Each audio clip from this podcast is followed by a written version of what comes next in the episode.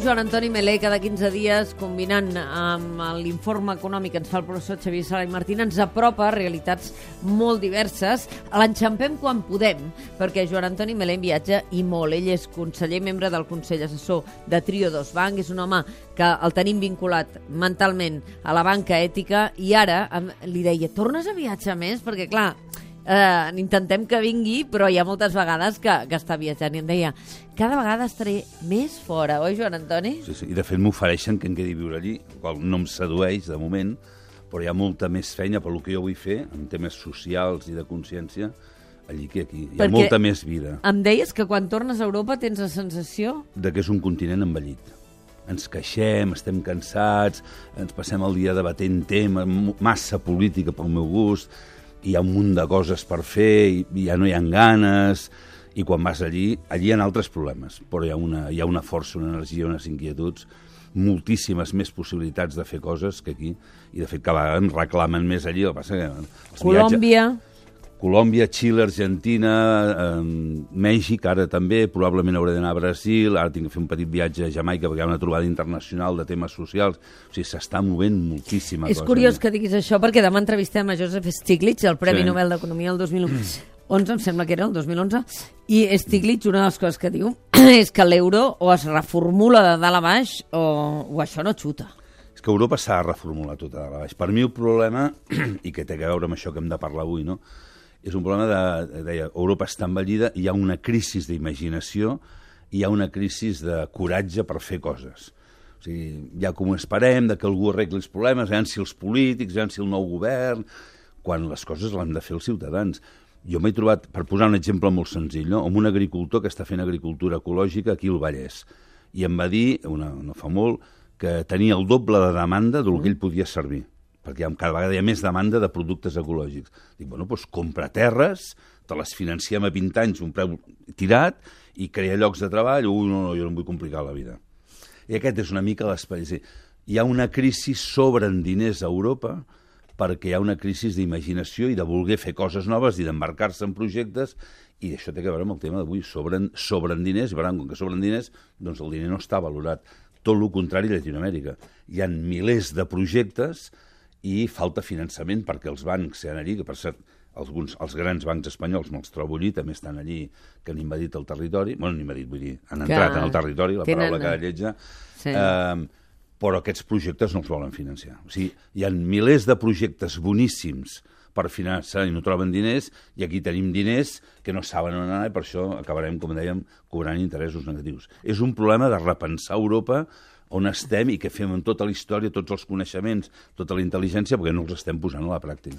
Atenció amb aquesta sentència de Joan Antoni Melé. Demà continuarem parlant d'economia, perquè Joseph Stiglitz, Premi Nobel del 2001, ja ho deia bé jo a l'inici, uh, Uh, és una persona que també és molt crítica amb, amb l'estructura europea i amb el que està passant amb el sistema financer europeu.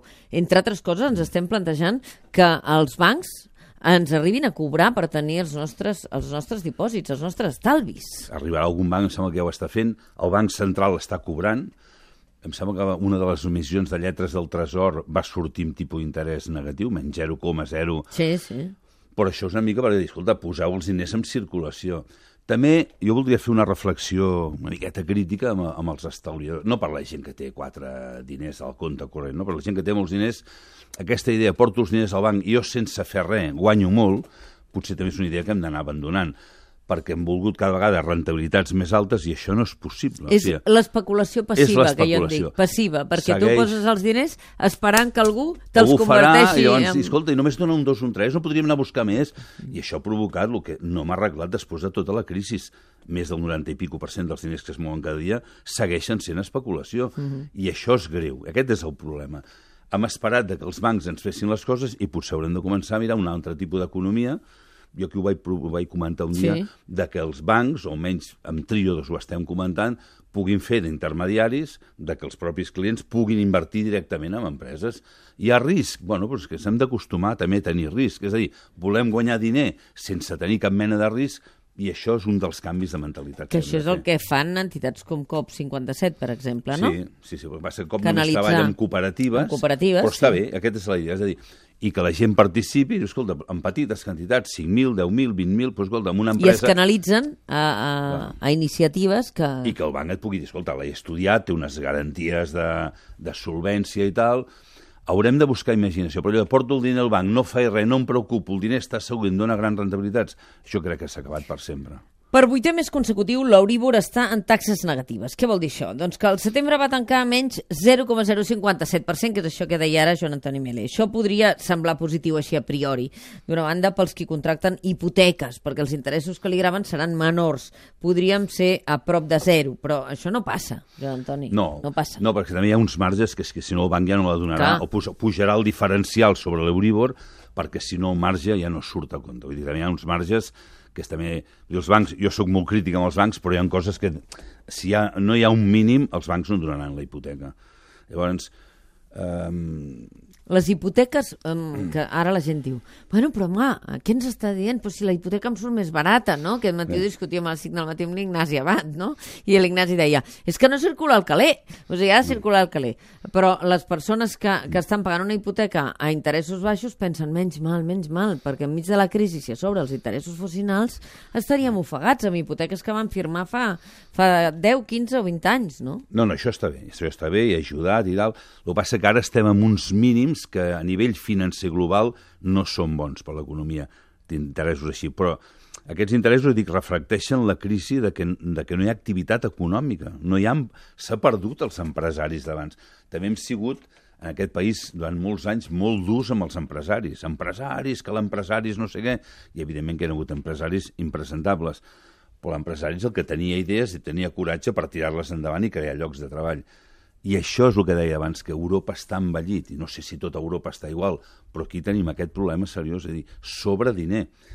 Eh, molts bancs d'aquí no tenen estructura com per invertir en altres països, i en altres països també hi ha el problema polític de que si te'n vas a invertir a... A Colòmbia en a aquests Colòmbia- moments, bueno, per encara exemple. Colòmbia no? és dels països que em faria més por, però, per exemple, Argentina... No, però, o- però ara la gent eh, dirà ai, ai, ai, ai, ai, ai, ai, saps? Perquè com que el referèndum No. els ha sortit negatiu, com no sé què, doncs Colòmbia era un país que amb les perspectives d'un acord de pau la gent estava... Bueno, jo estava... crec que ho arreglaran. Eh? Tu creus que ho arreglaran? Jo, sí, jo vaig allí, jo crec que... Passa que hi ha molt dolor, hi ha molt sofriment, però també és un dels països on trobes més forces del cor del món, eh? O sigui, on hi ha hagut més sofriment, però un dels llocs on et tracten que de manera espectacularment bé. Per tant, confiem en que Colòmbia sortirà endavant. Però són països això és el que deia abans, potser ens haurem de replantejar de que el tema del diner, invertir sense esforç i sense risc i que dongui, s'ha acabat i potser haurem de fer que els diners que aquí sobren vagin a altres països i tornem a recuperar un, una, una mena de- d'equilibri al món del diner. Però Interessos negatius, jo crec que com una pressió perquè els bancs inverteixin està bé, però que tampoc ho estan fent. Uh, una qüestió. Ara hi deu haver centenars de, de milers d'oients que t'estan sentint uh, i deuen estar pensant, a veure, en Joan Antoni ha dit, els que tenen quatre estalvis tampoc mm, no se'ls ha de culpabilitzar de res, però segur que estan pensant que ens digui què n'hem de fer dels diners. Els hem de guardar sota la rajola, els hem de portar als bancs perquè pagarem per, per tenir-los allà en els bancs, uh, la gent torna a invertir en totxo, en pedra, i per tant el perill de la bombolla immobiliària que sempre tant tapons fa torna a estar aquí com un fantasma eh, perquè el país no ha sigut capaç de canviar el sistema productiu i a la que la cosa s'ha animat tornen, tornen a haver-hi grues. Um, on ha de posar els petits estalvis la gent? Jo sempre recomanaria coses que tinguin un sentit i un valor social, que aquest és un dels canvis que està pendent. Per tant, fons d'inversió que puguin tenir un, un criteri ètic o social o de responsabilitat social seria un dels punts on ara la gent pot començar a posar... Passa que fons d'inversió, és a dir, quan surts de l'estalvi tradicional, la gent ha de saber que hi ha risc.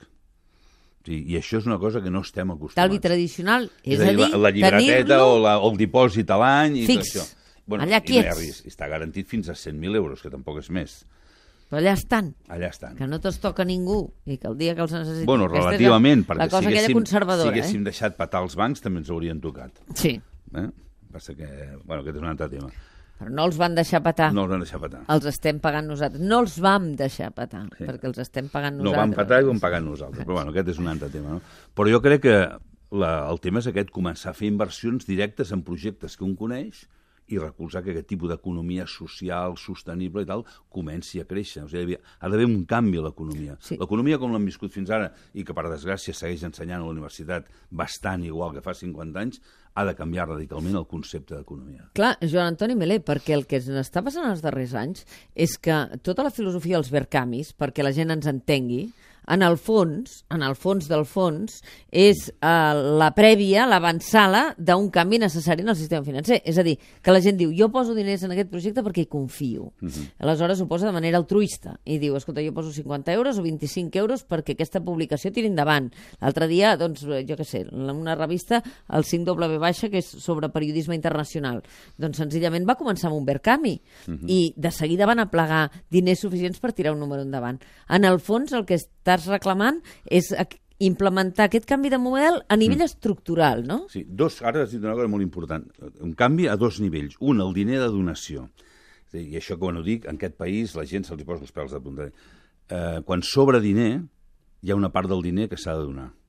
No té sortir. O sigui, la gent vol que el diner creixi. És que el diner ha de créixer, ha de produir, ha de produir...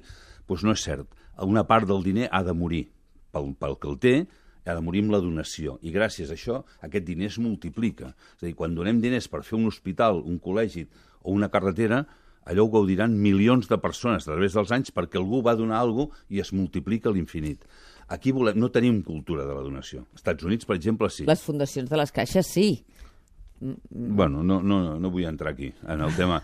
Uh, Però uh, filosòficament, parlo... Joan Antoni, filosòficament, de, de les caixes privada. en el seu origen en sí. el cas, les caixes en el seu origen tenien com a filosofia que els estalvis de la gent que posava els calés es revertissin socialment. Una part. Una, una part. part. Com que no tenien accionistes, entre un 20 i un 30% dels beneficis anaven a obra social. Al principi era admirable.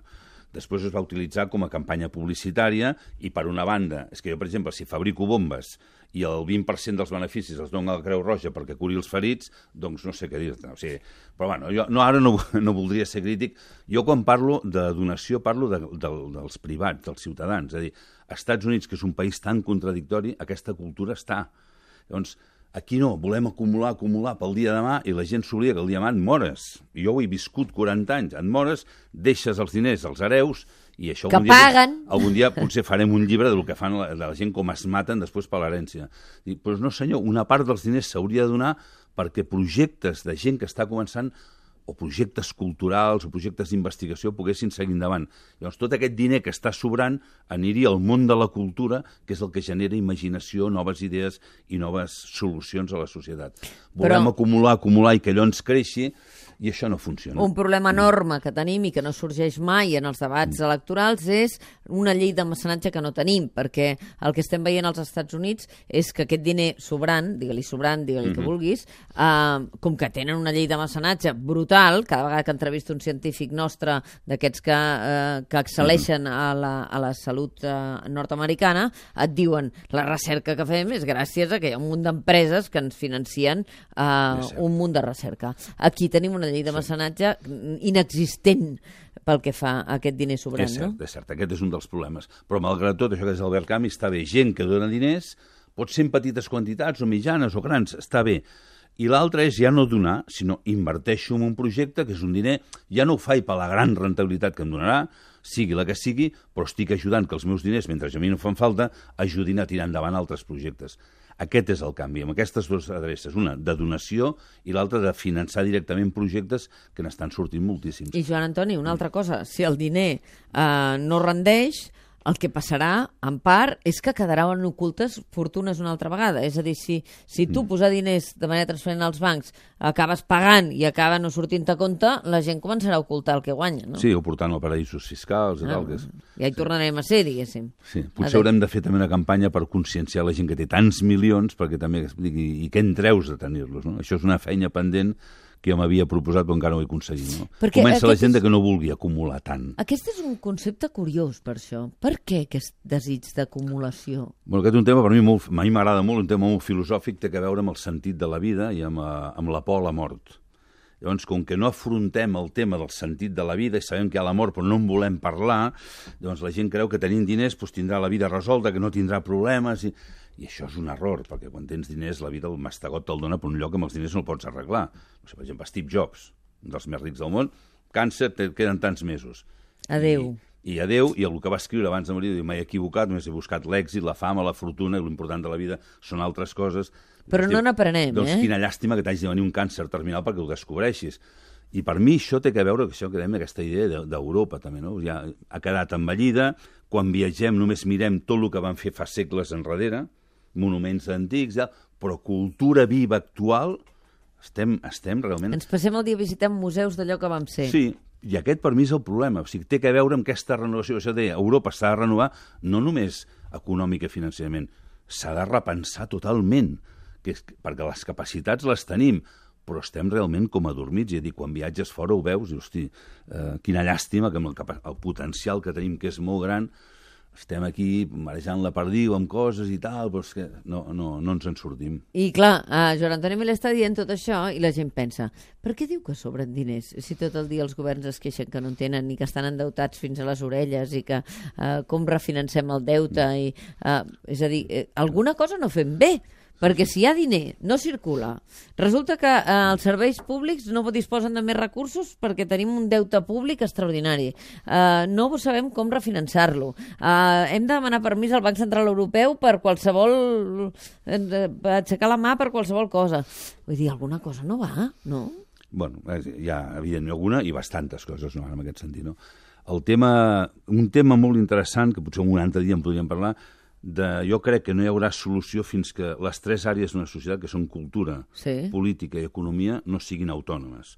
O sigui, mentre hi hagin aquestes barreges entre el món polític i el món econòmic, o el món econòmic i polític en el món cultural, per exemple, o el món educatiu, això és un tema delicat que si vols en parlar un altre dia, eh, no hi haurà la possibilitat de que noves idees surtin endavant. O sigui, és, és un mecanisme que està tan encallat, l'Estat segueix decidint, per exemple, els plans d'educació, per dir alguna cosa però probablement els polítics que ho estan decidint amb sa vida han donat classe en una escola. O sigui, el govern, cap govern, cap polític que té que decidir un pla d'educació. O sigui, els polítics han de garantir la pau i han de garantir que tothom té els seus drets garantits i que tothom tingui una bona educació. Però com ha de ser l'educació? I a no és- ser que els nostres polítics o polítiques, en aquest cas, eh, hagin passat pel sistema educatiu de manera No, però experimental. això jo crec que ho han de fer uns experts en educació, qui decideixin els plans d'educació. Qui decideix l'educació avui? La, el pla- L'informe PISA, que ho fa la OCDE, és a dir, un- una associació empresarial europea, decideix els continguts. Però llavors hem fet bé que a Catalunya ara s'ha obert un debat transversal on participaran 150.000 persones per debatre sobre el sistema educatiu. Em sembla fantàstic. Això, Em com a mínim, fantàstic. això és un, un Clar, punt de partida. Clar. L'altre dia ho parlàvem amb el Consell Escolar de Catalunya, no? que és qui d'alguna manera coordinarà això. De dir, anem a debatre de pla, com si no existissin les lleis que Mm. tenim fins ara, com voldríem el sistema educatiu. Això ho hauríem de fer en tots els àmbits, no només en l'educatiu. A tots, efectivament. No? Ahir vaig estar en, una, en un institut, a l'Institut Montserrat, a Sí. Barcelona, donant nois de La 7, competència del Menéndez Pelayo, jo era Sí. del Menéndez Pelayo, Sí. lamento que anessis al Montserrat. Bueno, em van convidar el dia que Una abraçada als del. Montserrat, eh, Jo vaig on em conviden. I nanos de 17, 18, 19 anys, amb una força i una inquietud, però van desorientats, perquè només els diuen has d'estudiar això, les matemàtiques, la ciència, els exàmens, però no els preparen per parlar de la vida, què vols ser quan sigui gran, però què vols ser tu com a ser humà, no amb què guanyaràs diners, sinó descobreix el teu potencial humà, quin sentit vols donar a la teva vida. Tot això està parlat, apartat. L'informe PISA no parla del nivell de poesia o de literatura del país. Ah, és que les humani... estem traient les humanitats. Jo estic cansat de dir-ho. En època de crisi s'han de doblar les hores d'humanitats quan les treus, i a més es diuen humanitats perquè ens fan humans, quan ho treus et deshumanitzes. Doncs el problema que tenim és aquest. L'economia és un resultat de que humanament estem desorientats. Aquest és el problema. Per això sobren diners que estan allí amb els bancs, que tampoc, bueno, sí que saben què fer-lo, però tampoc ho fan, perquè tampoc es volen arriscar, i acabem parlant de tipus d'interès negatiu, però no és un problema financer, és un problema filosòfic de sentit de quina societat estem creant que va a la deriva. Com tal com ho veig jo, eh? Com ens agrada fer l'informe econòmic, també amb Joan Antoni Melé, perquè és com si canviéssim de marc mental. Joan Antoni Melé, moltíssimes gràcies. D'aquí 15 dies ens tornem a trobar o estarem de viatge? No, no, estaré per aquí. Estarem per aquí. Serà un plaer.